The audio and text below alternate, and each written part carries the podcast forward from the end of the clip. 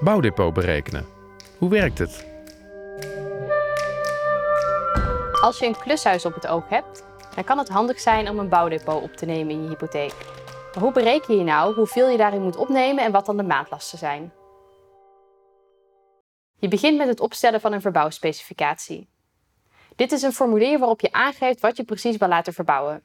Denk aan alle werkzaamheden, materialen, diensten en een inschatting van de kosten daarvoor. Daarvoor kan je bijvoorbeeld de offerte van een aannemer als uitgangspunt gebruiken. Neem hierin ook voldoende marge op. Op een verbouwspecificatie is geen post onvoorzien. Dus eventuele uitloop van de kosten moet je zelf alvast inbegroten. Als je namelijk over de kosteninschatting op de specificatie heen gaat, dan moet je dat uit eigen geld betalen. Als het enigszins mogelijk is, is het dus handig om die bedragen een beetje ruim in te schatten. Vervolgens laat je de woning taxeren. Je geeft je verbouwingsspecificatie mee aan de taxateur en die geeft dan twee waardes af. Een waarde voor verbouwing en een waarde na verbouwing. Je maximale hypotheek is gebaseerd op de waarde na verbouwing. Bijvoorbeeld, je koopt een huis van 4 ton dat ook wordt getaxeerd op 4 ton voor de verbouwing. Laten we zeggen dat je voor 60.000 euro wilt gaan verbouwen. De taxateur geeft dan als waarde af dat de waarde na verbouwing bijvoorbeeld 440.000 euro is. Net als in dit voorbeeld zie je dat in de meeste gevallen niet de hele verbouwing volledig waardevermeerderend is.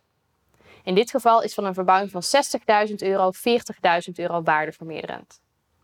De rest van het bedrag leg je zelf in. Dat stort je op de dag van overdracht bij de notaris. Op de dag van de overdracht bij de notaris gaat ook je hypotheek in en daarmee ook het bouwdepot.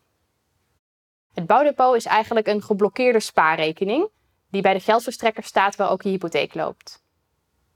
Je kunt het geld hierin vrijmaken door facturen en nota's van de verbouwingen op te sturen. Wat zijn nou de maandlasten van een bouwdepot? Een bouwdepot is een onderdeel van de hypotheek. Dus dat betekent dat je de maandlast al hebt besproken met je hypotheekadviseur. Je krijgt wel een rentevergoeding over het deel van het bouwdepot dat je nog niet hebt gebruikt.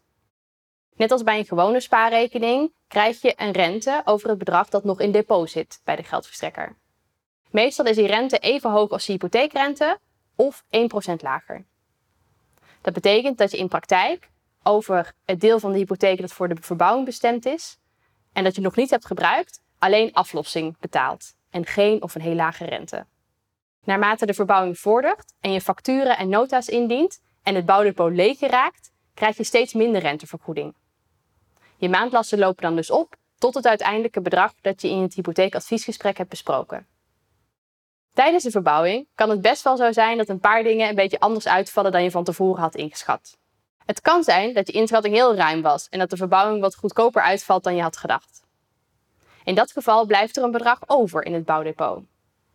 Dat geeft niet. Dat bedrag wordt gewoon afgelost op je hypotheek en dus in mindering gebracht op je uitstaande lening.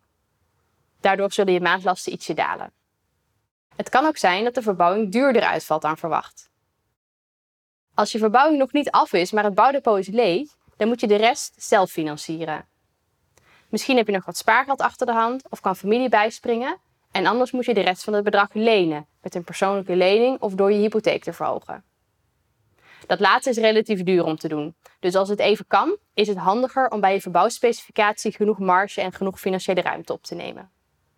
Ben je benieuwd wat er in jouw geval mogelijk is qua bouwdepot? Kijk dan op visie.nl of neem contact op met een van onze hypotheekadviseurs.